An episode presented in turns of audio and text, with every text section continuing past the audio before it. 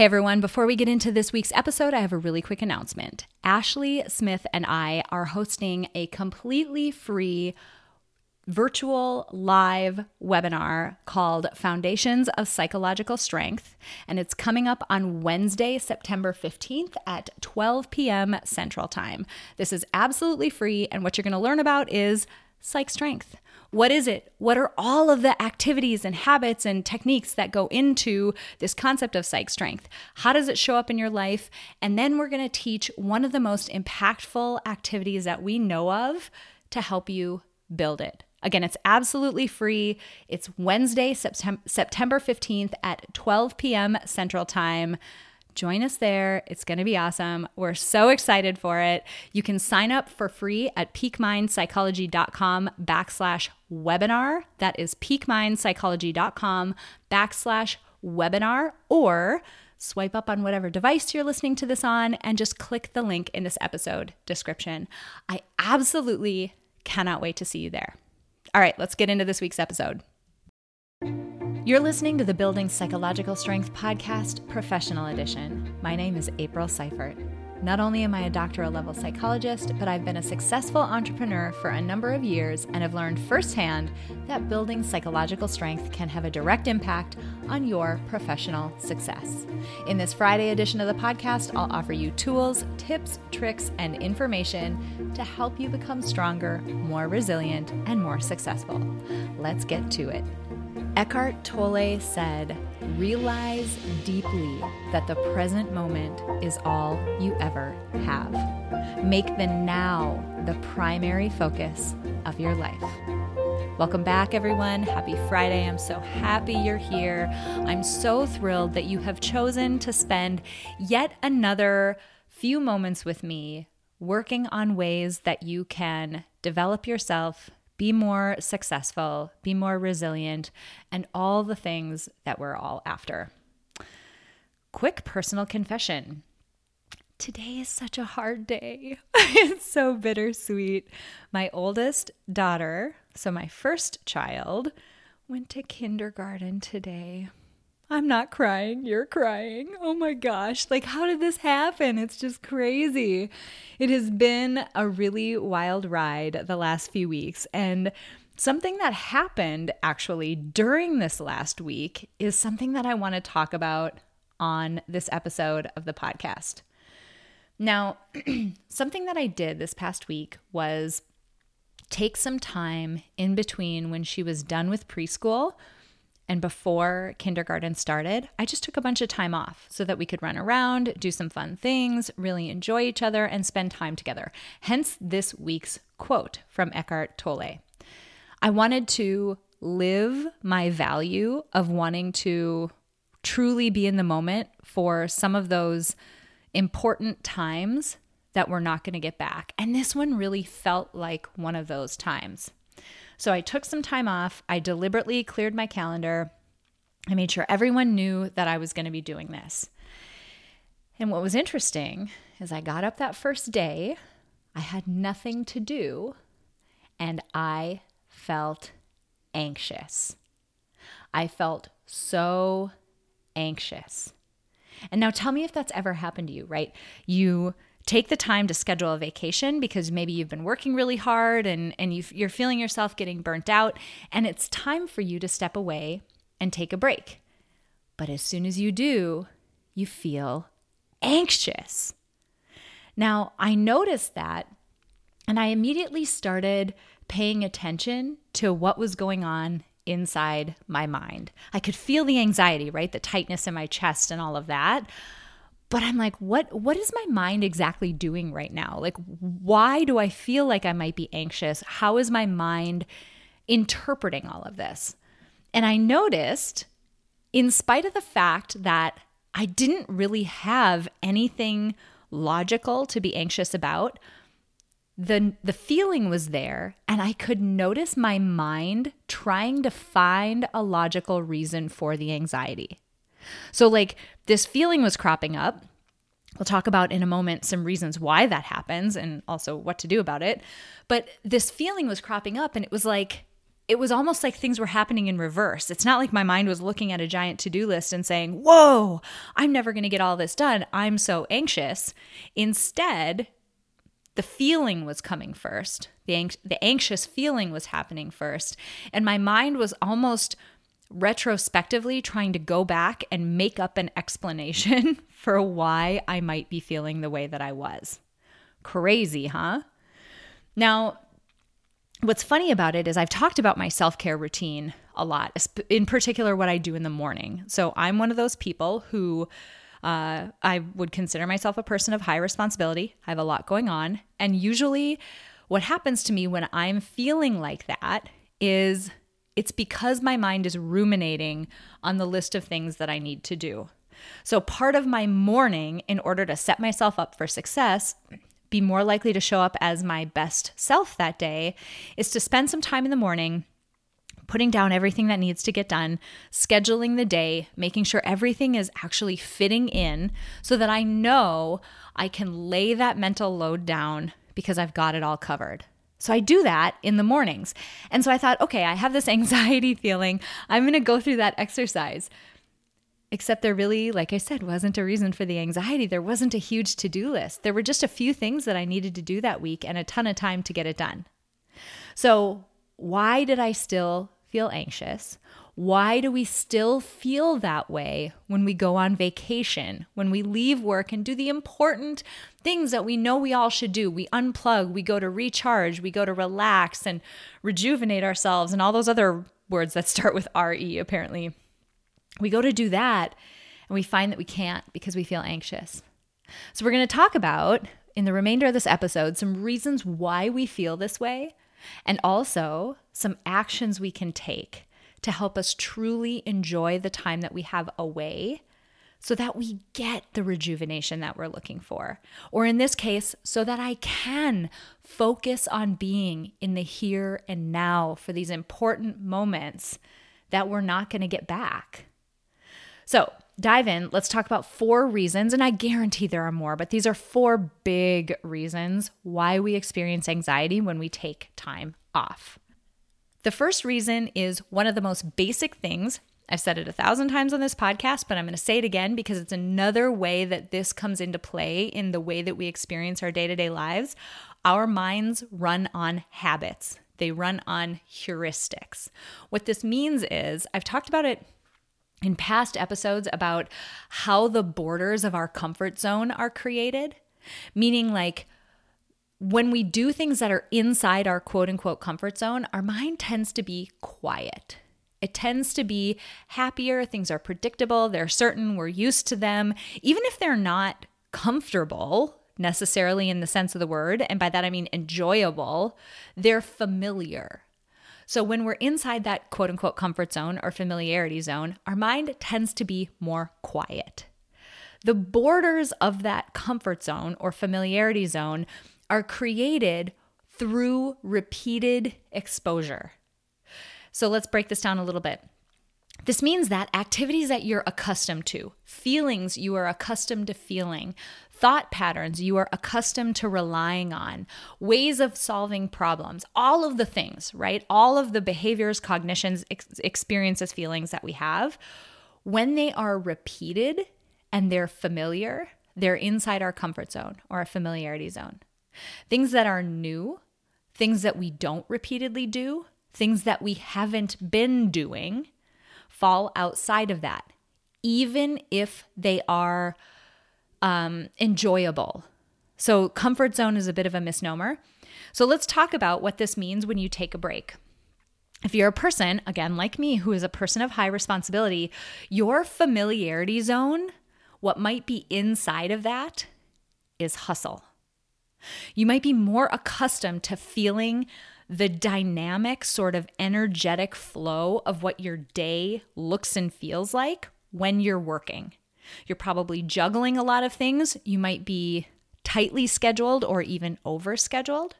You may have a lot of balls in the air that you're trying to dynamically deal with. And that's what falls inside your familiarity zone simply because maybe you don't enjoy it. Maybe you don't like having to deal with all of that, but it's what you're used to. You're familiar with it.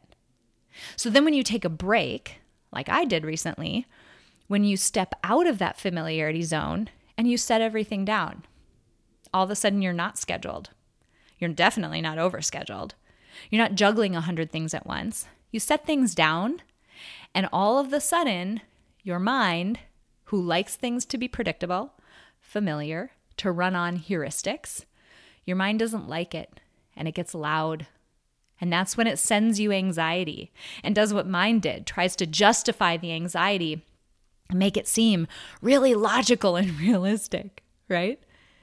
And it's simply because you're doing something that you haven't been doing, or you're doing something that feels unfamiliar.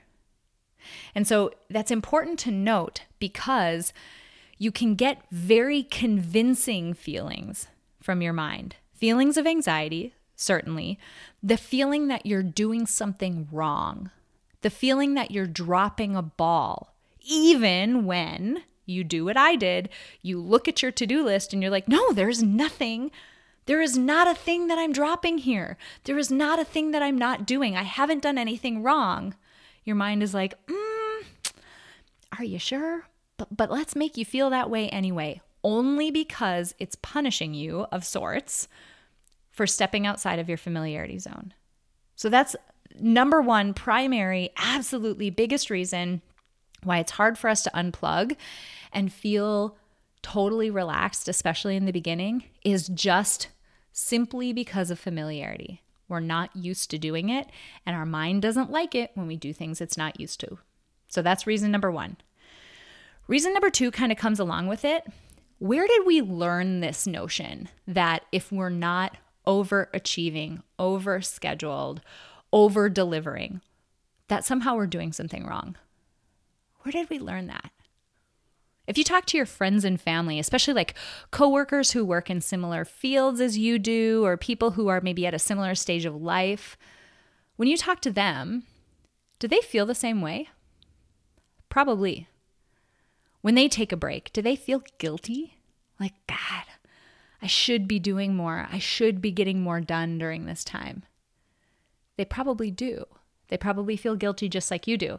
And the reason for that, it's cultural. Our culture, particularly in the United States, it looks at hustle as praiseworthy. It judges your worth as a human being by your output. You know, there's that quote about being a human being, not a human doing. I swear I should have that on my desk because it's something I need to be reminded of all the time. So, not only are we not accustomed to having this much spaciousness in our life, even though we want it, we're not used to it. Our culture is saying, yes, yes, yes. April, your mind, your mind is right. You are doing something wrong. You should feel guilty.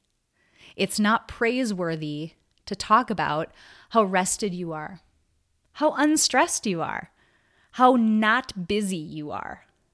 Our culture doesn't like that. So that's two. So it, we're out of our habit, we're out of our familiarity zone. Our culture supports the fact that we should be busy and we should be doing things all the time. And then, third, we're left with our own thoughts.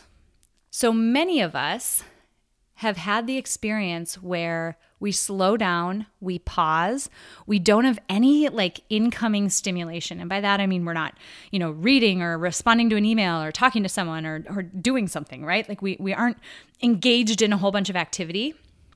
And what happens then? You're left with your thoughts. Think about a great example. How many people love meditation? Not that many. Most people hate it, especially at first. And the reason why they hate it, I can't make my mind go blank. There are so many thoughts. My thoughts are so rapid and they're loud and there's so many of them and I can't control them. It's actually a really uncomfortable experience to be left with our own thoughts and to see how busy they are and to see how erratic they are and how they come out of nowhere and how most of them are like, I mean, completely, truthfully useless or negative.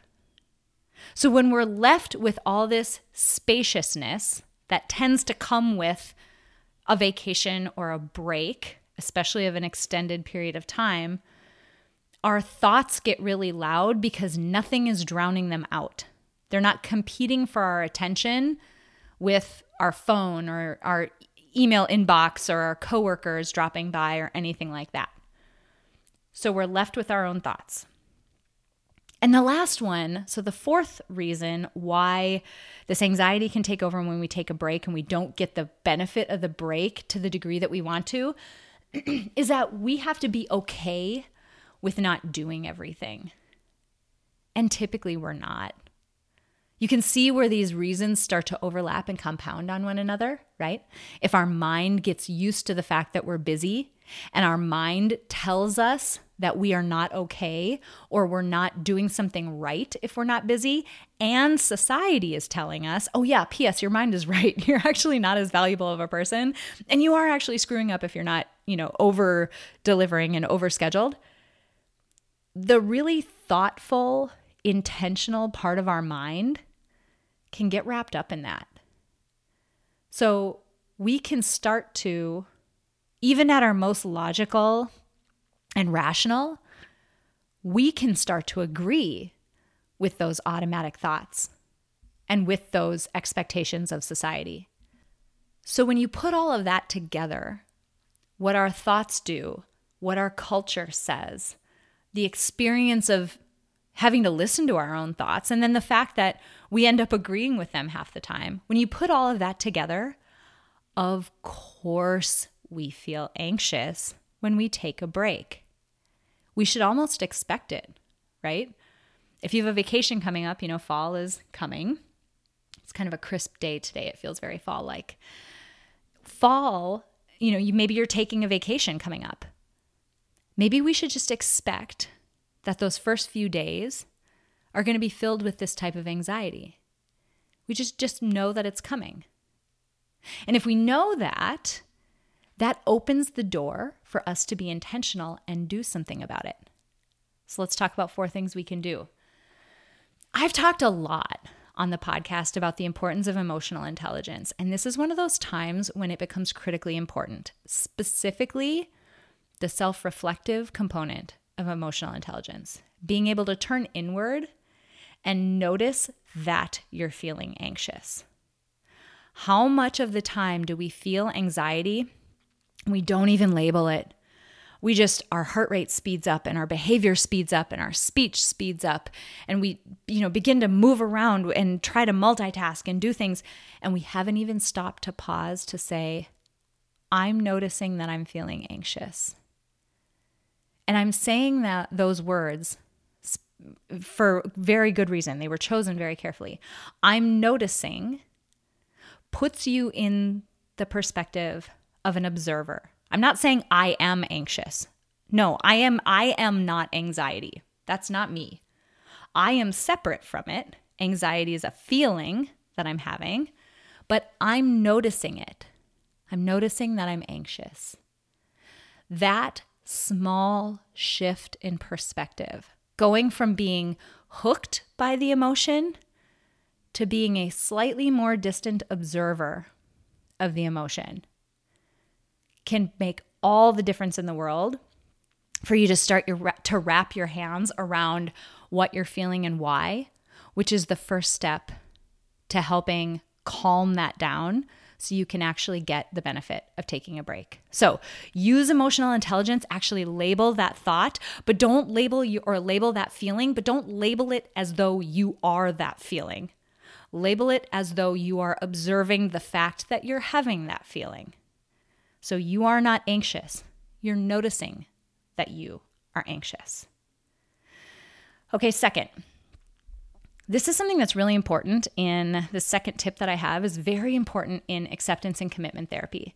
So acceptance and commitment therapy focuses very much on like human values. And I talked about it at the beginning of this episode, right? It's important to me to be there for the moments that matter in my life, the moments that feel like we're truly at an inflection point as a family. And that's where we're at right now.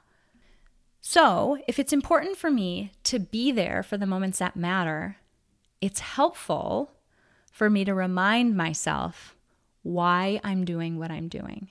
It's important to me to be with my daughter make those memories with her, to see her go through this process of making this transition and to be there with her.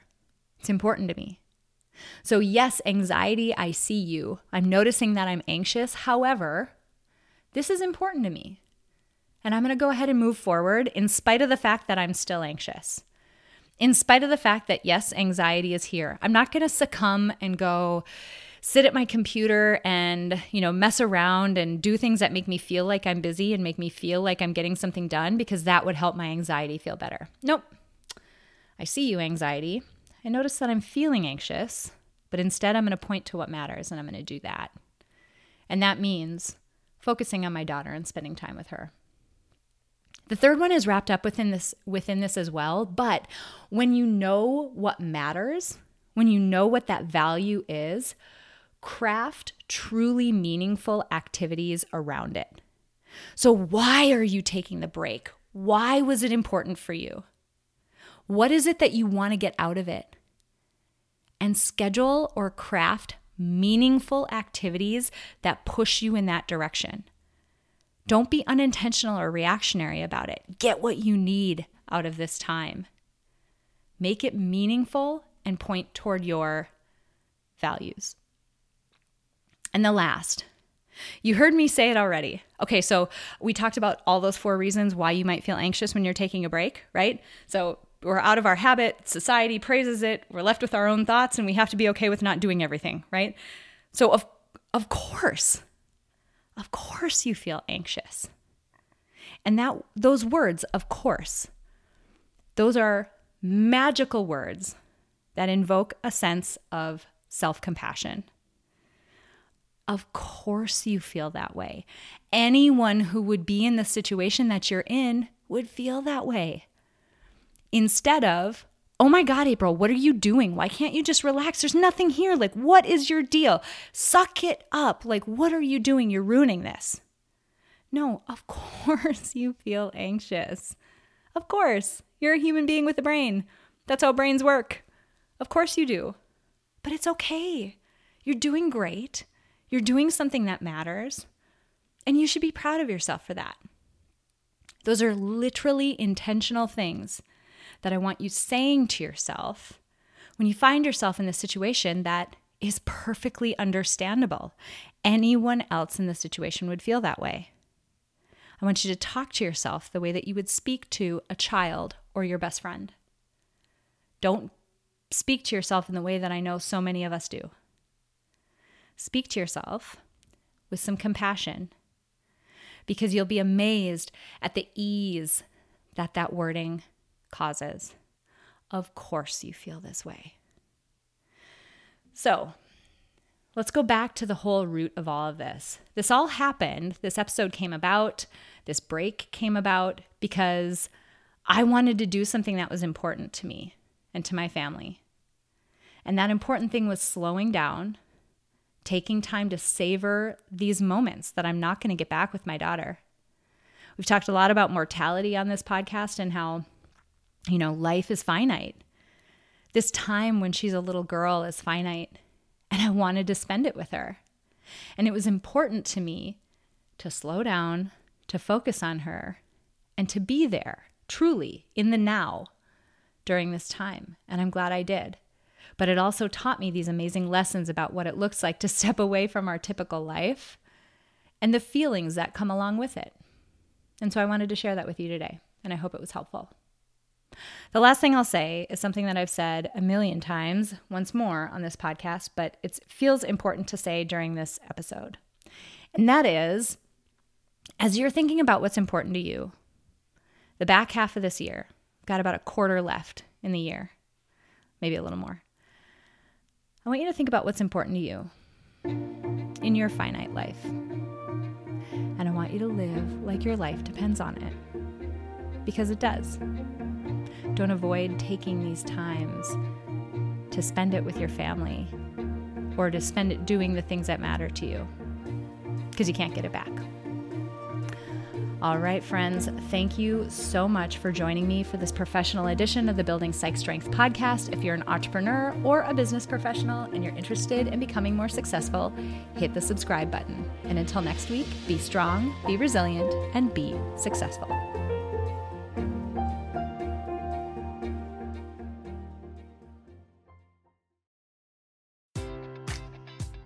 Enjoy all your favorite sports like never before at BetMGM. Sign up using code CHAMPION and receive up to $1,500 back in bonus bets if you don't win your first bet. When you register with BetMGM, you'll get instant access to a variety of parlay selection features, live betting options, and the best daily promotions in the business. And with BetMGM at your fingertips, every play and every game matters more than ever. Remember to use code CHAMPION and receive up to $1,500 back in bonus bets if you don't win your first bet. Place your money line, prop, or parlay bets with the king of sportsbooks today. BetMGM and GameSense remind you to play responsibly. See BetMGM.com for terms. 21 plus only, Virginia only. New customer offer, subject to eligibility requirements. Rewards are non withdrawable bonus bets that expire in seven days. Gambling problem? Call 1 800 Gambler. Promotion, promotional offer not available in Washington, D.C.